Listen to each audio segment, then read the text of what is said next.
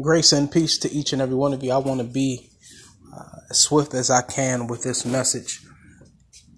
Romans chapter 12, it says, I beseech you, therefore, brethren, by the mercies of God, that ye present your bodies a living sacrifice, holy acceptable unto God, which is your reasonable service.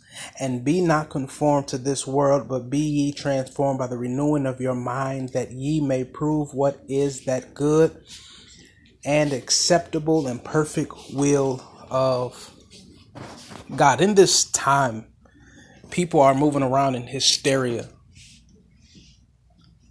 There are many people who are going back and from, to and for, trying to wrap their minds around what's going on in this current climate that we're dealing with across the world. This pandemic is no near stranger anymore. It's it's it's it's it has been spreading and becoming more familiar as though it is becoming a part of our daily lives. But I just want to remind you that even in a time like this, that one has to give reverence to the sovereignty of a God who knows all, who's in control, which means that everything that is out of our control is in control of God. So, what that means is that even in a time like this, where if you were to be true, you don't know. But the reality of it is, God knows.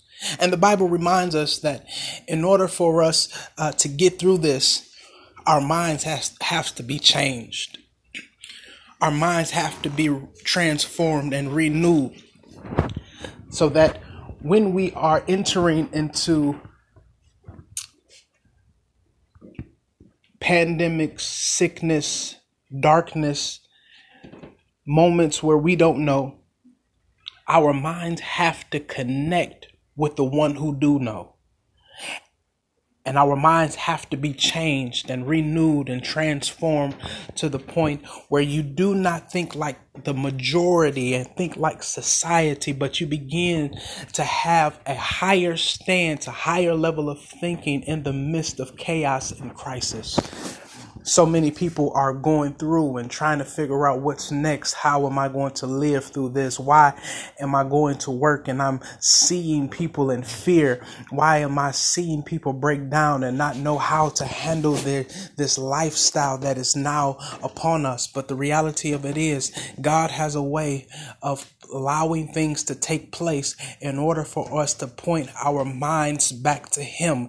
And if you are a true believer, we know that all things work together for good to them that love God, to them who are called according to God's purpose. That even in this present time and in this present moment, God is using this to get the glory. God is using this to show you He's sovereign. God is using this to show you that He cannot be defeated. That, that if you are conformed, you will begin to live in fear, begin to live in doubt, begin to live in anxiety, walk as if there there is no hope. But people of faith know that in spite of how it looks, I'm walking with the one who walks with me.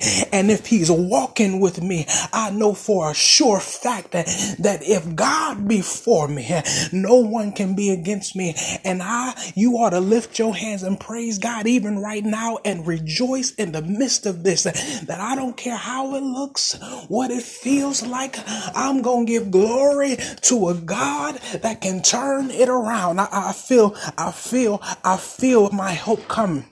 The Bible says, look towards the hill in which cometh your help. Even in moments of darkness and you don't understand, you ought to get on your knees and begin to pray to the sovereignness of a God who is the creator of a cattle of a thousand hills. He who is the author and the finisher, which means he knew the beginning or the end from the beginning. And if you serve that kind of God, you have to know with everything in you that God will not fail. This too shall pass, the scripture says. While this is going on, what does your relationship with God looks like? While this is transpiring, who are you communicating with? Who have you forgiven? Who are you in relationship with? Who are you encouraging? Because at the end of the day, when you really don't know what's going on, the reality of it is this too shall pass this too shall pass. It is something, this is not the first time something as big and enormous and magnanimous has taken place. But I'm here to tell you that as other things have happened in the history of time, God has a way of revealing to his children that we're going to make it in spite of what it looks like. And I want to encourage you and lift you up and tell you that it will be okay. And for those who are suffering and going through and have lost individuals, that I'm praying for your strength and your comfort and to know that you turn to God who has the ability to minister to your every hurt, to your every darkness. He has the ability to come beside you and sit with you and hold you up in the midst of his hand. So I'm praying for those who are suffering, who are panicking, who don't know, who are at a loss, that there is a God that sits high, looks low, but he will get in the midst that if you just call on him and restore your faith, humble yourself, seek his face, pray, turn from the ways in which we have known that are not of God, but turn towards God. You're going to get through this. The word is you're going to get through this. You, you, you're going to make it out of this. It gets tough sometimes, but you have to convince yourself and persuade yourself and believe the promises of God and know that you're going to make it. Some men believe in chariots, others in horses, but you will remember that He is God. I don't know. I don't know. I don't know. I don't know. I don't know. I don't know. I don't know. I don't know. I don't know.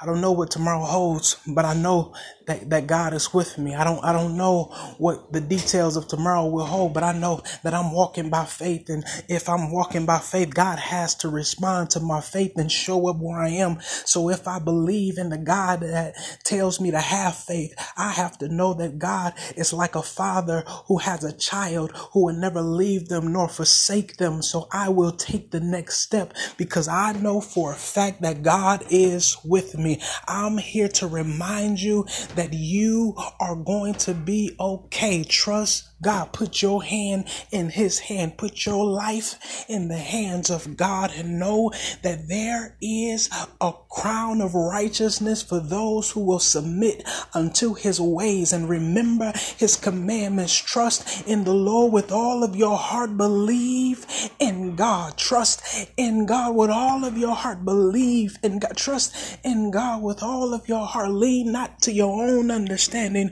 but in all of your ways acknowledge that kind of God. I'm praying for your sanctity. I'm praying that God justifies you. I'm praying that you understand that your works can get you nowhere, but your great your your faith, your salvation saves you. Your faith in God saves you.